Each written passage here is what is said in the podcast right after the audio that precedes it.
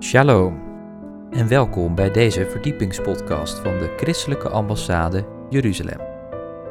Mijn naam is Joshua Beukers en samen met Bijbelleraar Jacob Kerstra gaan wij weer een verdieping zoeken in de Hebreeuwse wortels van ons christelijk geloof. In aflevering 185 gaan wij het hebben over Israël, land en volk. Wilt u deze beelden terugzien? Bekijk dan ons YouTube-kanaal. Wij wensen u veel luisterplezier. Ik wil met u nadenken over het thema Israël, land en volk. En dat doen we vanuit Gods woord. En ik neem u mee naar de roeping van Abraham. Overbekend, maar het altijd goed om daarmee te beginnen. Want weet u, God begon met Adam en Eva, één echtpaar. Alleen het ging al snel bergafwaarts. Toen ging God met Noach en zeven anderen opnieuw starten. Maar ook dat ging al snel weer bergafwaarts. En dan neemt God Abraham. Als Abraham, laten we zeggen, gewoon de context waar hij leefde, dan had hij om Gods plan te vervullen veel makkelijker gewoon een bijbelschool in Mesopotamië kunnen starten. Dat was het centrum van de toenmalige wereld. Maar wat doet God? God laat hem Alia maken. Opgaan naar het beloofde land. Abraham had geen idee? Was er nooit geweest. Dus in puur vertrouwen ging hij. En de beloof God, laten we gewoon lezen. Toch het hele verhaal, vers, uh, Genesis 12, vers 1 tot 3. De Heer nu zeide tegen Abraham. Dan heet hij nog Abram, hè? hoogverheven vader. Nog niet Abraham. En God zegt, ga uit uw land, uit uw familie en uit het huis van uw vader. Dus je moet drie dingen achter zich laten. Zijn eigen land, zijn familie en het huis van zijn vader, dus zijn naaste verwanten. En ga op weg naar het land dat ik u wijzen zal. En ik zal u tot een groot volk maken, u zegenen en uw naam groot maken en u zult tot een zegen zijn. Ik zal zegenen wie u zegenen en wie u vervloekt zal ik vervloeken. En in u zullen alle geslachten van de aardbodem gezegend worden. Dus God begint met een gezin. Om alle gezinnen, geslachten, staat nog niet direct volken, maar eerste, God begint bij gezinnen. Hoeksteen van de maatschappij. En dan alle volk, stam, taal, naast. Dus wat belooft God hier? Een land en een volk. En dan denk je, nou dat is mooi. Amen. Maar wat hebben wij daar nou aan? Altijd goed om vragen te stellen, niet aan mij, maar aan de schrift. Er staat, ik zal u dat land geven en een volk om. Om tot een zegen te zijn voor alle volken.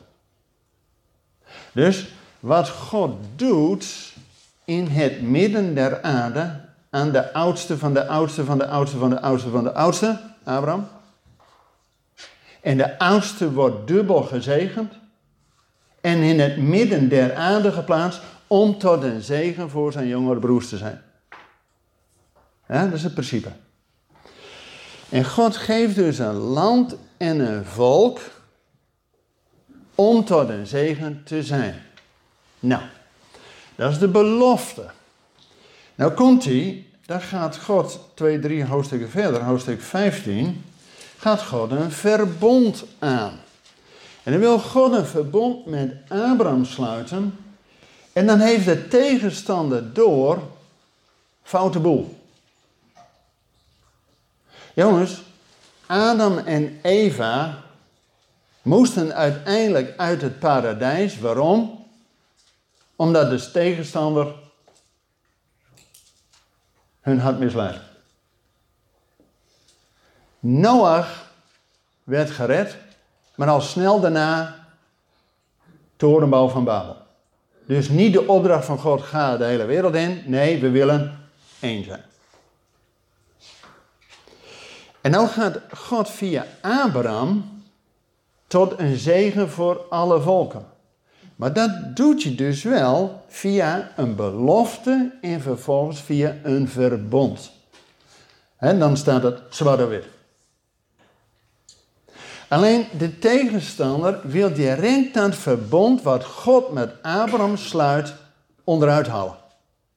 Want als dat verbond er niet is, nou ja, dan heeft de tegenstander alle kans. Dus als Abraham die vijf dieren tot een offer maakt, dan komen die aasgieren daarop aan. In het Engels heet dat de vulgars. Nou, dat zijn dus niet van die lieve kleine kolibrietjes, hè? Jongens, dat zijn dit soort mormels, hè? Misschien ben je wel eens in Israël geweest en je die gieren hebt gezien. Nou, dat zijn dit soort jongens. In de hele voedselketen zijn die de laatste, hè? Want een uh, leeuw doodt iets en dan komt de hyena en dan helemaal tot eind die aasgier. Waarom? Hij heeft zo'n lange nek en die kan in een karkas, hè? Nou, dat zijn die aasgieren die op die offer die er afkomen, die Abraham bereid had, zodat God de volk kan sluiten.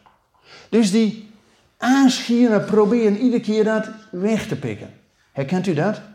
Als God iets doet, dat die tegenstander er als een kippen bij is. Vervolgens komt er een angstaanjagende, diepe duisternis over Abraham. Met andere woorden, we hebben vorige keer gehad over die geestelijke strijd. Nou, dit was geestelijke strijd. Want als de tegenstander het lukt dat dat verbond met Abraham weg is, heeft hij gewonnen toch? En de hele Bijbel, tot aan de verbond van Jezus, is gebaseerd op dit verbond. Hè? Dit is het grondleggende verbond wat God met Abraham heeft gesloten, de vader van alle gelovigen.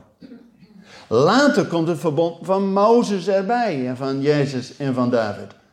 Oké, dat is een andere preek, maar dit is dus fundamenteel.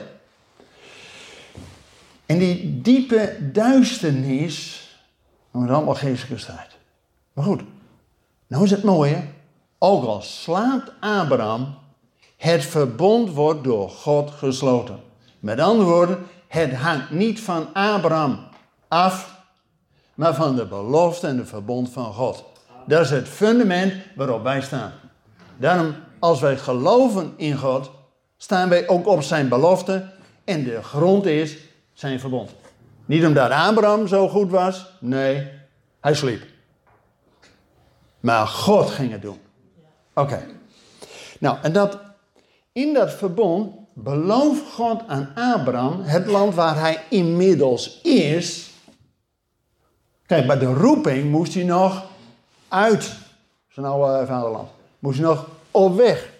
Maar het verbond wordt in het land gesloten en dat God hem dat land belooft. Tot een eeuwigdurende instelling. Hoe lang duurt eeuwig? Nou, in de theologie heet dat tot aan het Nieuwe Testament toe. Maar toen is het allemaal veranderd. Maar eh, als God zegt voor eeuwig, wat betekent dat dan? Zonder begin, zonder eind. Oké, oké. Is goed om te vasthouden. Nou, en dan in het wat wij Oude Testament noemen, wat niet oud is en geen testament is, staat er 200 keer een belofte aan Abraham aan Isaac en Jacob over dat land. 200 keer. Met andere woorden, dat is niet de eerste keer. Dat het een toevallig een uh, slippery of the mind is. Nee, 200 keer wordt het bevestigd. Alleen, nou komt het. God had het wel aan Israël beloofd. Maar nou de moeilijkheid is. Het land is niet van Israël. Het land is van God. Dit is mijn land, zegt God. En Israël heeft recht om erop te wonen als ook de geboden van God doen. Sterker nog, God had ook bij de uittocht gezegd: Je zult niet alleen naar dat land van mij gaan, maar je zult ook mijn volk zijn. Mij ten eigendom. Dus God was de koning over Israël. Alleen toen Israël één keer in het beloofd land was, wilden ze net zo zijn als die andere volkeren. Wij willen ook een koning. En Samuel zei, dat moet je niet doen. Maar God zegt, laat het maar geworden. Ze hebben mij verworpen om koning te zijn. En daarom is het goed om uit te zien naar die nieuwe koning. Die niet alleen op de troon van David is, uit de wortel van David, maar ook de zoon van God is. Zodat God weer koning over zijn land en over zijn volk kan zijn. Nou, het gekke is, Israël mag wel in het land wonen als ze doen wat God zegt. Maar het land is van God. Alleen Israël heeft lang niet altijd gedaan wat God had gezegd. Maar ja, als we naar hen wijzen, wijzen de drie naar ons. Hè? Dus uh, alles over Israël is opgeschreven, ons tot voorbeeld. Ja, oké. Nou, er zijn verschillende teksten dat Israël mag in het land wonen als ze de geboden van God doen. En anders worden ze even naar een zijkant gemanoeuvreerd. De ballingschap is bijvoorbeeld omdat ze hun naasten niet lief hadden, maar ook omdat het land zijn rust niet kreeg, zijn sabbatjaren. Nou, en als je dat 70 keer niet gedaan hebt, dus in een periode van 350 jaar, één keer in zeven jaar was het een sabbatjaar, stel in al die jaren vanaf Josia tot David nooit gedaan hebt, ja, dan gaat God het volk even in de dugout zetten. En dat is het verschil. Je kunt wel recht hebben op het land, maar dat je er niet woont. In Engeland heet dat to reign and to rule. Dat is verschil. Je kunt er wel over regeren, maar als je geen wetten mag maken, luistert niemand naar je. Oké, dus het is niet het land van Israël, het is het land van God wat hij aan Israël beloofd heeft. En nou komt hij. God is trouw. Dat is ook het fundament van ons geloof. Geloof is vertrouwen. Als God niet te vertrouwen is, stop er maar mee geloven. want dat is je vertrouwen stellen in. Maar omdat God te vertrouwen is, dat hij trouw is aan zijn woord. En dan komt hij. Misschien heb ik dit al eens eerder laten zien, maar dat is altijd goed. Ik moet uh, iedere preek zelf drie keer horen. Hè, zodat ik het ook uh, zelf een keer snap. Die belofte van God ging over land en volk. En al bij het verbond wat God met Abraham sluit in Genesis 15, zegt God, weet wel dat jouw nageslacht zal 400 jaar lang in Egypte zijn. Even weer met Hebreeuwse oren. 400 is de laatste letter van het Hebreeuwse alfabet, getalswaarde. Dus wanneer alles vol is, dan pas gaan ze naar het beloofde. Dus de eerste keer dat land en volk bij elkaar is, is na de uittocht. Dat is leuk voor Israël. Dat God zich houdt aan zijn belofte en land en volk bij elkaar brengt. Amen. Maar dat was een middel tot een doel. God wil Israël gebruiken om de wereld te zegenen. En ook de Messias van Israël is om de wereld te zegenen. Ja, in datzelfde patroon. Nou, eerst Israël. Land en volk komt voor de eerste keer bij elkaar na de Exodus. Het heeft even geduurd, want na de Exodus staan ze bij het zuiderland, Kadas, Barnea, en dan sturen ze die twaalf verspieders. u weet het, tien zeiden, nou, grote jongens daar, moeten we niet, niet doen. En die twee zeggen, hoe groter dat die jongens daar zijn, hoe makkelijker we ze kunnen raken, kunnen we ze nooit missen. jongens, één gelooft het en ander gelooft het wel, hè. Het is net... Oké, maar dus moesten ze 38 jaar weer rondjes draaien in die woestijn. Voordat ze bij de volgende generatie in hun bestemming komen. Nou, die eerste keer dat Israël in, hun best, in zijn bestemming komt, land en volk, welke zegen hebben wij daardoor gekregen? Nou, Gods woord. Gods woord is door 40 Joodse mannen geschreven. was geen Nederlander bij. En het grootste deel is natuurlijk eerst al geschreven, toen vanaf Josia tot aan de ballingschap. Dus de zegen voor de wereld is dat Israël in zijn bestemming komt, is zegen voor ons dat we Gods woord hebben gekregen. Alleen wat ik zo net ook al zei, Israël hield zich ook niet altijd aan het woord. Herkenbaar ook voor ons. Dus die ballingschap was zodat het land zijn rust kreeg. De tweede keer dat Israël na 70 jaar weer in zijn bestemming komt, waar land en volk bij elkaar komt, welke zegen hebben wij daardoor gekregen? Dat is dat we Gods Zoon en Gods Geest hebben gekregen. Nou, en wat zegt Romeinen 15? Dat wij via Israël alle zegen ontvangen hebben. Gods woord, Gods zoon en Gods geest. Nou natuurlijk de grote vraag. Nou Israël na de uitsluiting van Gods geest en de val van de tempel verspreid is over de wereld, de diaspora, dus niet in zijn bestemming in zijn land woont, maar nu langzamerhand weer terugkeert. Wat ligt daar voor zegen voor ons in het verschiet? Nou, u leest het al. Heeft alles met de komst van de Messias te maken. Dus het feit dat Israël in zijn bestemming komt, is zegen voor de wereld. En er staat ook al in Romeinen 11.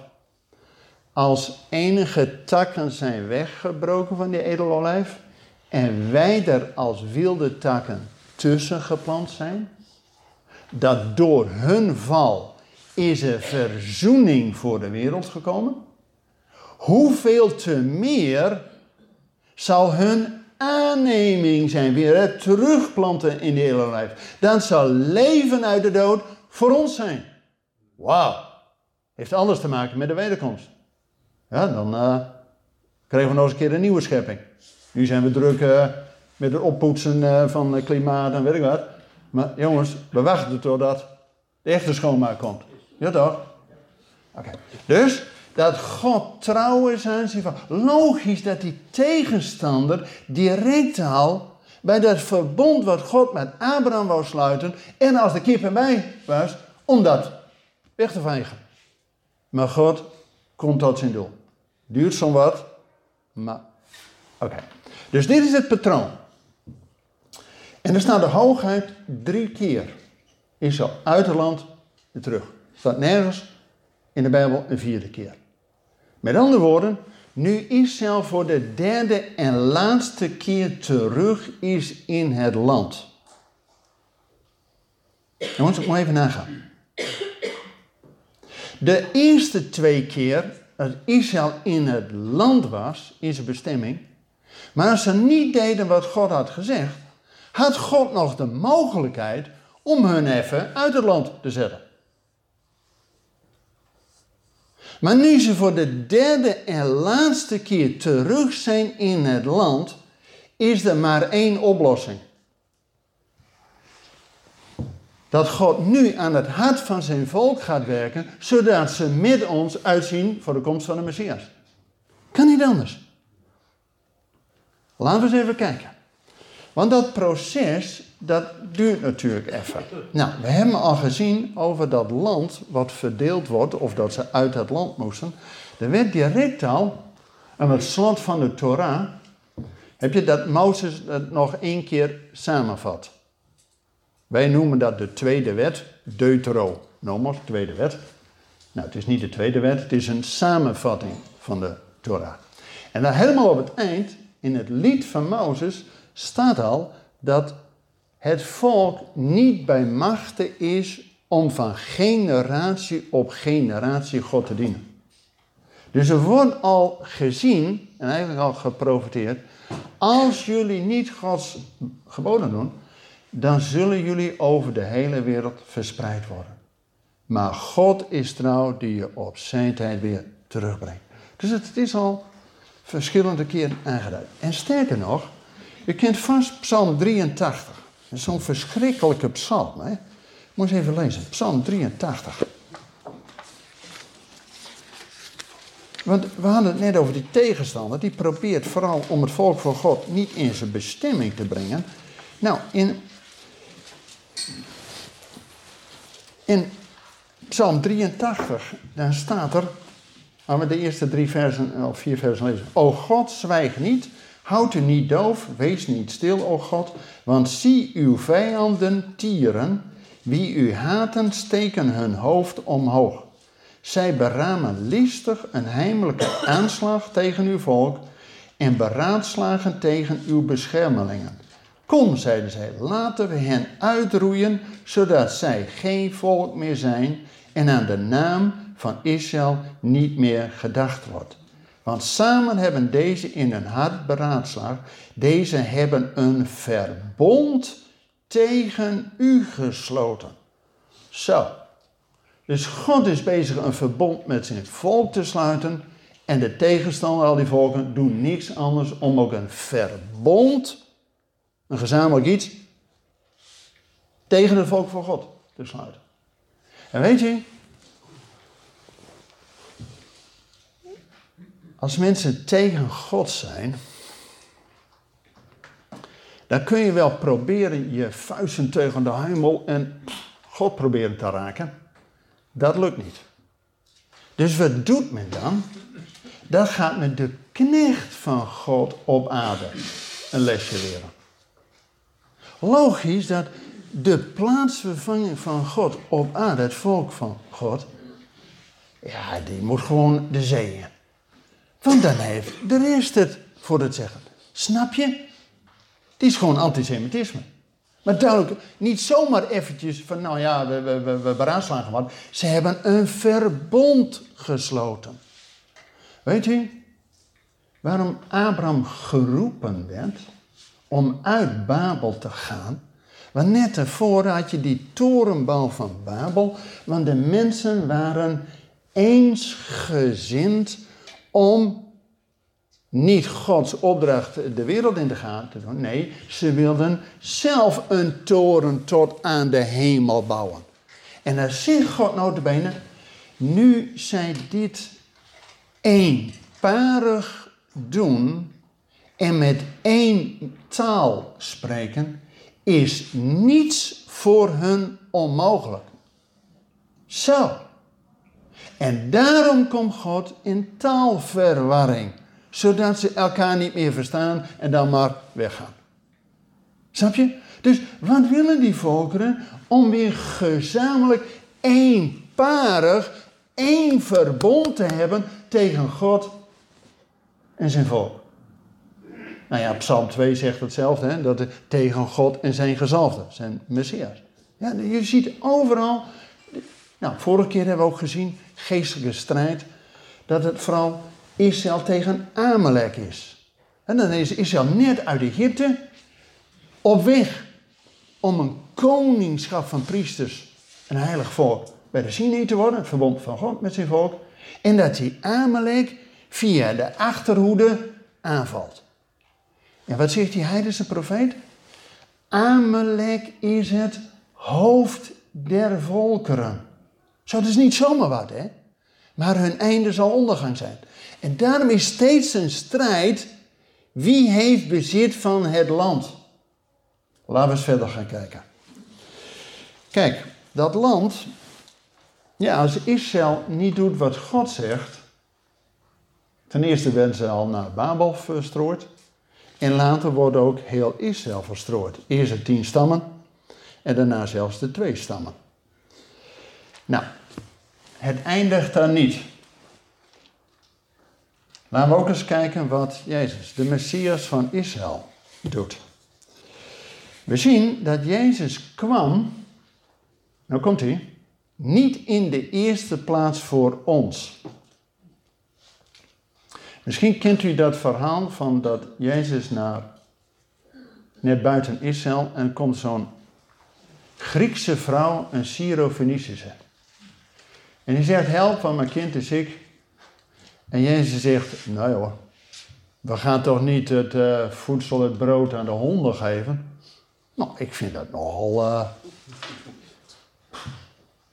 toch weinig pastoraal. Ja toch, ik bedoel...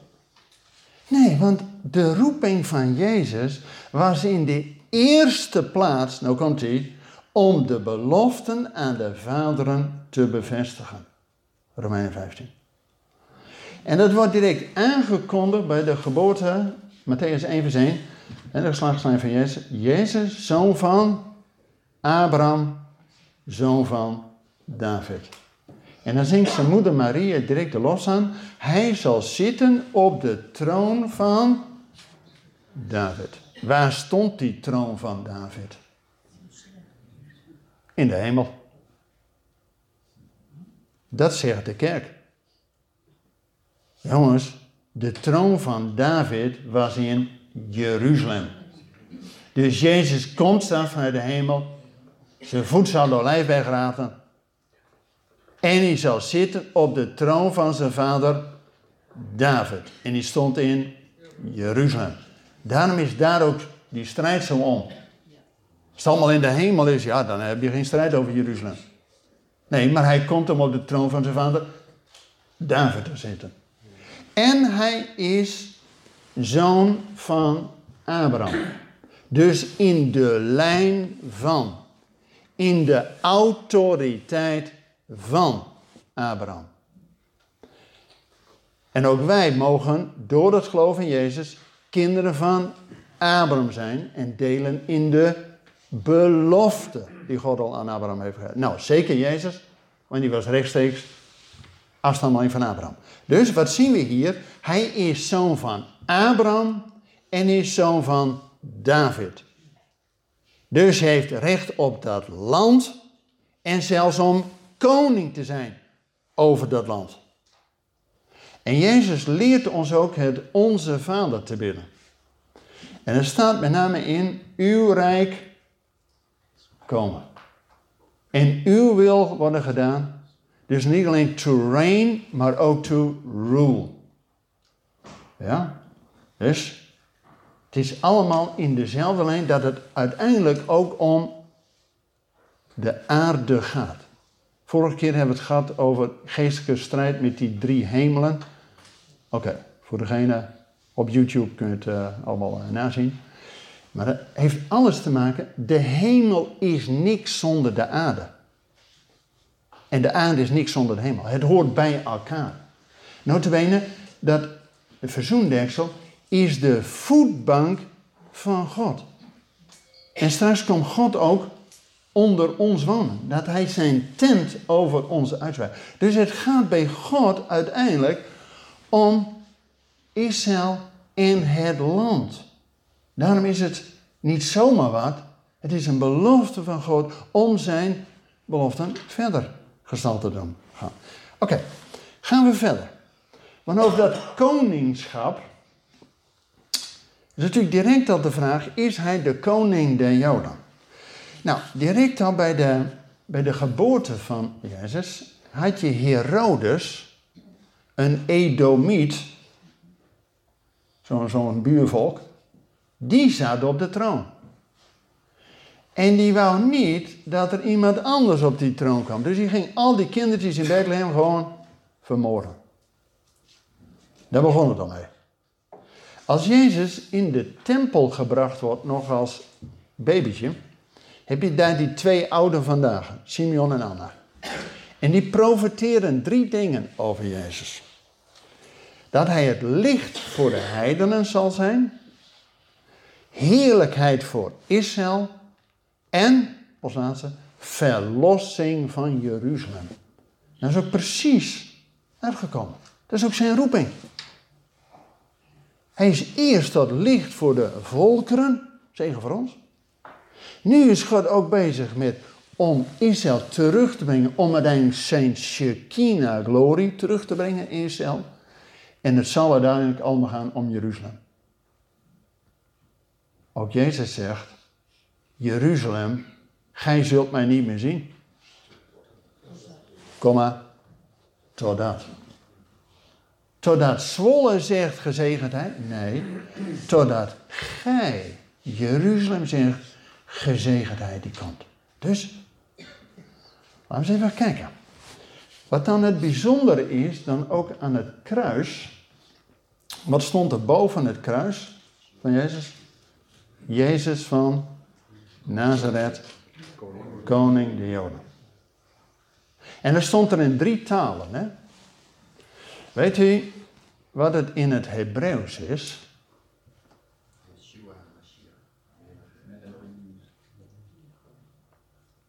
Yeshua Hanotzerim, we melech Ayoduim. Gewoon Jezus van Nazareth, koning de Joden. Maar als je dat afkort, wat staat er dan? Jod, He, Waf, He. De naam van God. Wauw. Mooi, mooi eens even indenken. Jongens, dat in Yeshua God zelf daar is, hè? Wauw. Nou, we weten, Jezus komt terug als koning der Joden. En hij wordt koning over de ganse aarde. Maar dan, de moeilijkste vraag in de Bijbel, waar theologisch nogal wat verschil over is. Dat is Handelingen 1, vers 6. Laten we eens even lezen. Als we het hebben over landbelofte aan Israël, is dit een cruciale tekst. Handelingen 1, vers 6. Dat is de laatste vraag van de discipelen.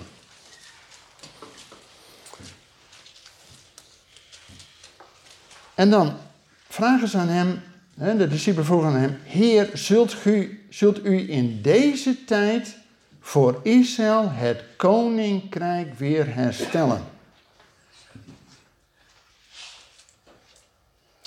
Daarvan zegt Calvijn dit is de beroerdste vraag die de discipelen ooit hadden kunnen stellen. Hadden die mensen nou niet kunnen weten dat na Jezus de beloften voor de hele wereld is? En niet specifiek Israël. Jezus toch de redder der wereld. Dus de beloften van Jezus zijn voor ons. Amen. Maar wacht even. Voordat je zo uitpakt, Calvijn in de hele reformatorische traditie zegt dus hiermee: de landbelofte aan Israël is in het Nieuwe Testament nul. En daar komt het ook van dat in de kerken zoveel vervangingstheologie is. Het is allemaal geestelijk Israël geworden.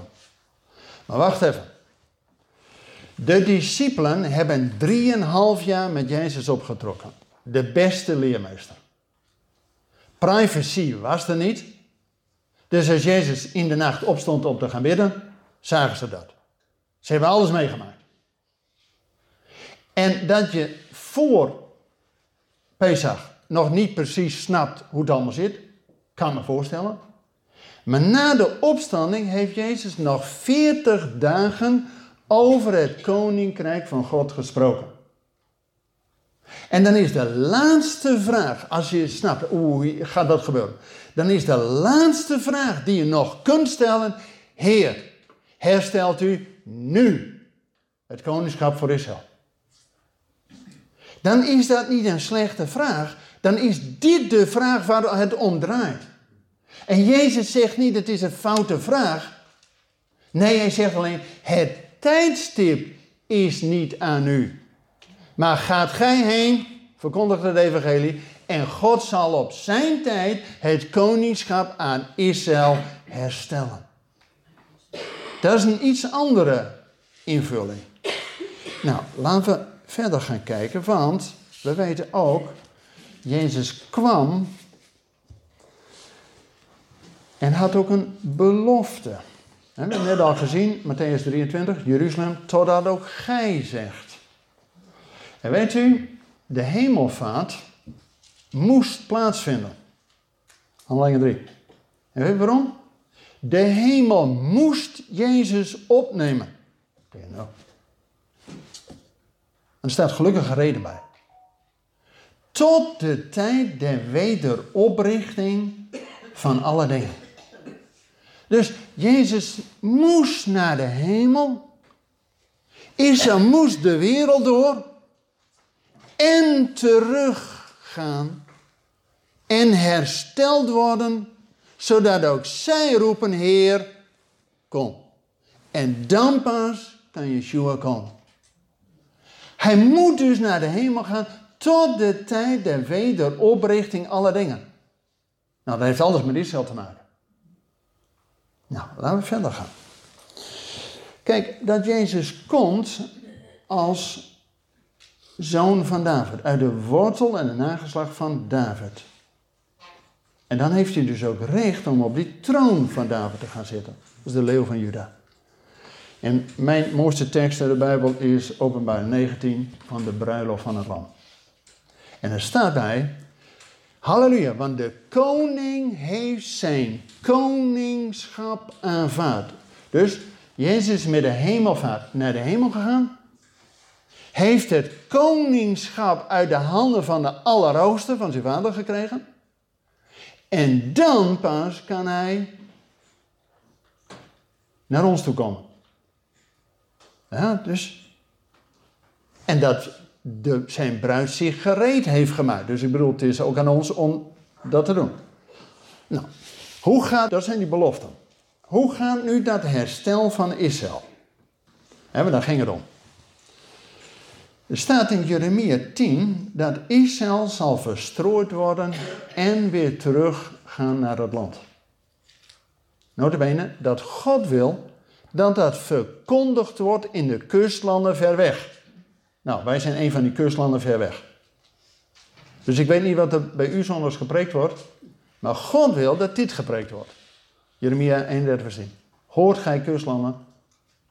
Hij die Israël verstrooid heeft, zal het terugbrengen en een hoeden als een herder zijn kudde. Alleen, er staat in datzelfde hoofdstuk iets verder, Jeremia 31, en lees met mij mee vers 37 tot 44. En anders lezen we erover, maar niet vanuit de schrift. Jeremia 31, dat is een geweldig hoofdstuk. Maar voordat we zover zijn, dan staat er in vers 37.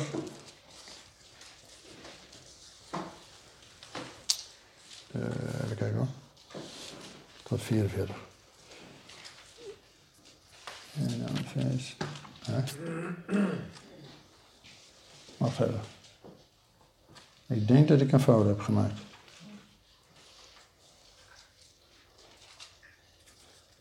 Staat nou, of is het 30 vers? Pardon, ik heb één fout gemaakt. Er staat een tekst dat God maar één keer in de Bijbel, dat God iets met hart en ziel doet. En dat is, jongens, als we geloven in God, hè, dan willen we toch doen wat hij zegt. Hè? En wat God nou met hart en ziel doet, dat zouden wij toch ook te harte moeten nemen. Ja toch? En er staat maar één keer in de Bijbel dat God iets... Te, sorry, oké, okay, dankjewel. 32 vers... Vers... Vers, vers 41. En dan vers 41. Oké? Ja. Oh ja, dankjewel, dankjewel. Jeremia 32, vers 41. Ik zal mij over hen verblijden en hun goed doen. Ik zal hen in getrouwheid in dit land planten. Met heel mijn hart en met heel mijn ziel. Staat maar één keer in de Bijbel. Dat God iets met zijn hele hart en zijn hele ziel doet.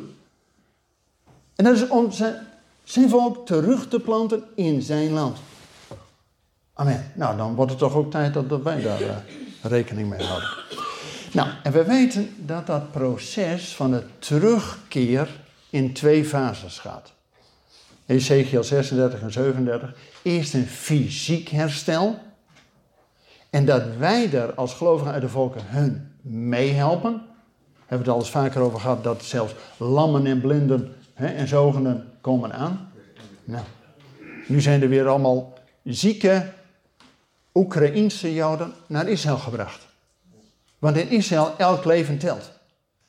Nou, en Ethiopische Joden, zijn deze week weer Ethiopische Joden. Nou, in de tijd waren er zelfs die in het vliegtuig een kind kregen. Dus dat er meer aankwam in Israël dan dat er uit Ethiopië vertrok.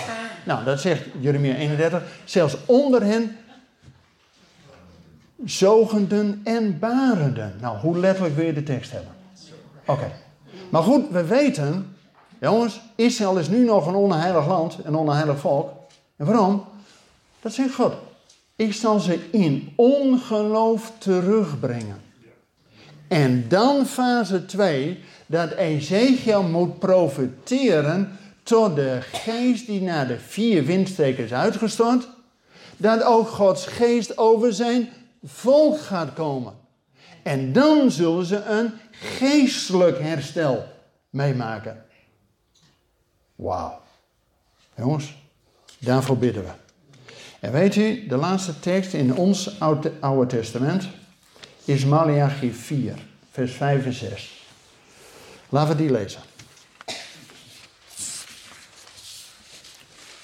Malachi 4, vers 5 en 6. Makkelijk te onthouden, 4, vers 6. Malachi 4, vers 5 en 6. Waar staat: Zie, ik zend tot u de profeet Elia, voordat de dag van de Heer komt, die grote en onzagwekkende dag. Hij zal het hart van de vaderen tot de kinderen terugbrengen, en het hart van de kinderen tot hun vaders, opdat ik niet zal komen en de aarde met de band zal slaan. Nou, geweldige tekst. Als je het eerste niveau leest, dan denk je amen. Harmonie in een gezin. Vaders en kinderen. Nou, dat is al genezing. Maar wat wordt hier nou mee bedoeld? Even een niveautje dieper. Wie zijn de kinderen? In de eerste plaats de kinderen van Israël. Wie zijn de vaderen? Abraham, Isaac en Jacob. Dus dat de kinderen Israëls terugkeren tot het hart van de vaderen. Dus met name tot het hart en het geloof van die vaderen. Dat is opwekking. En weet u nog een spade dieper? Weet u hoe wij, gelovigen uit de volkeren, in het Nieuwe Testament genoemd worden? Als je de eerste Johannesbrief leest, gaat het alleen maar over kinderen. Daar worden wij mee bedoeld. Dus wij zijn kinderen. Kinderen van Abraham. Door het geloof in Jezus. En wat betekent dan die tekst? Dat wij als gelovigen uit de volkeren ook in dat gezin van die vaderen mogen komen. Tot het hart van die vaderen mogen komen. Dat betekent dat ook de kerk niet meer een vervanging is van Israël, maar terugkeert tot het hart van waar ze de zegen van ontvangen hebben. Want via Israël hebben we alle zegen ontvangen. Gods woord, Gods zoon en Gods geest. En nou de kern. Dit was inleiding. Waar draait het nou om, mensen? Kijk, God heeft aan Israël beloofd bij de uittocht, en voordat ze in hun bestemming kwamen, ik zal jullie stellen tot een hoofd der volkeren. Amalek was dat hoofd der volkeren, maar een einde zal ondergang zijn. God gaat zijn volk in het centrum der aarde plaatsen als hoofd der volkeren. En het hoofd wordt gezegend tot zegen voor Allen. En nou komt hij. Een aantal jaren geleden was ik op het Loofhuttenfeest, een jaar of zes geleden, het was voor corona. En er kwam op het Loofhuttenfeest, met 7000 christenen waren we toen in die grote hal. En dan komt de minister van Religieuze Zaken. En die zegt, we gaan naar fase 3. Ik zeg, amen broeder. Help me even, wat is fase 1 en fase 2, dan ben ik on the right track. Hij zegt, vanaf 1948 is fase 1 begonnen. Hebben we het land met de moerassen ontgonnen, allemaal kibbutzen. En hebben de wereld gezegend met vruchten. Daar staat Jezaja 27 vers 6. God zal Israël gebruiken tot, zijn vruchten zullen zijn tot zegen voor de volkeren. Amen. Dat is al in het natuurlijke. Nu zijn we in fase 2. Dat Israël de wereld zegent met medicijnen. Tegen HIV en weet ik het allemaal. En met allemaal computerspullen. Jouw eh, chip van jouw computer, made in Israël. De USB-stick van uh, aan de laptop, made in Israël. Dus Israël zegent nu de wereld met al die dingen. Maar die rabbijn, die minister van religieuze zaken, hij zegt, dat is niet onze roeping. Weet u waar God ons uiteindelijk voor geroepen heeft om in het land te zijn? Om uiteindelijk tot een hoofd der volkeren te zijn. En weet u wat die man zei? Dat is al vijf, zes jaar geleden. Hij zei, we hebben toen met de regering net jaar afgesproken om ieder jaar 3 miljard shekel te investeren in bijbels onderwijs. Ik wist niet wat ik hoorde. Mensen, dat deden wij 100 jaar geleden ook hè, in Nederland. We hebben 100 jaar geleden overal in allerlei eh, dorpjes tegen hebben scholen met de Bijbel gesticht. Tot opvoeding en tot zegen van Nederland. Dat doet Israël nu. Want die Romein zegt, als we willen dat Israël tot hoofd der volkeren wordt gesteld, moeten ze wel weten wat er in Gods boek staat. Dus we leven in spannende tijden. Israël komt steeds meer in zijn bestemming. En we weten dat die belofte van het land nog veel groter zal worden. Voorlopig hebben ze het hiermee te stellen. Weet je, als we dan ook zien hè, dat God te vertrouwen is, zich houdt aan zijn beloften, dat hij zijn volk verstrooid heeft en hen terugbrengt om tot een zegen te zijn voor alle volken. Jongens, dat is leven uit de dood voor ons, hè. En als wij samen met Israël uitzien naar die grote dag, dat wij niet alleen roepen Maranatha, maar wanneer ook Israël zegt, Baruch haba b'shem Adonai. Wauw, dan kunnen we nog wat vuurwerk verwachten. Is net wat er zegt, in een uh, ogenblik, in een twinkeling of... Maar dat betekent dat we nu nog in genadetijd leven. Hè? Dat we dit mogen weten. En daarvoor is het goed om straks zo met z'n allen daarvoor te bidden. Want Israël is nog niet in zijn bestemming. Maar zijn wij altijd in onze bestemming? Maar goed, daar gaan we straks uh, voor. Jongens, zullen we dit eerst even laten bezinken? Ik had een mooi lied op mijn hart. Opwekking 4, uh, 7, 9. Wij zijn alleen maar losers. Nee, dat zeggen we niet. Zullen we, als het lukt, gaan staan en dit uh, lied zingen? Wij zijn meer dan overwinnaars door Hem die ons heeft lief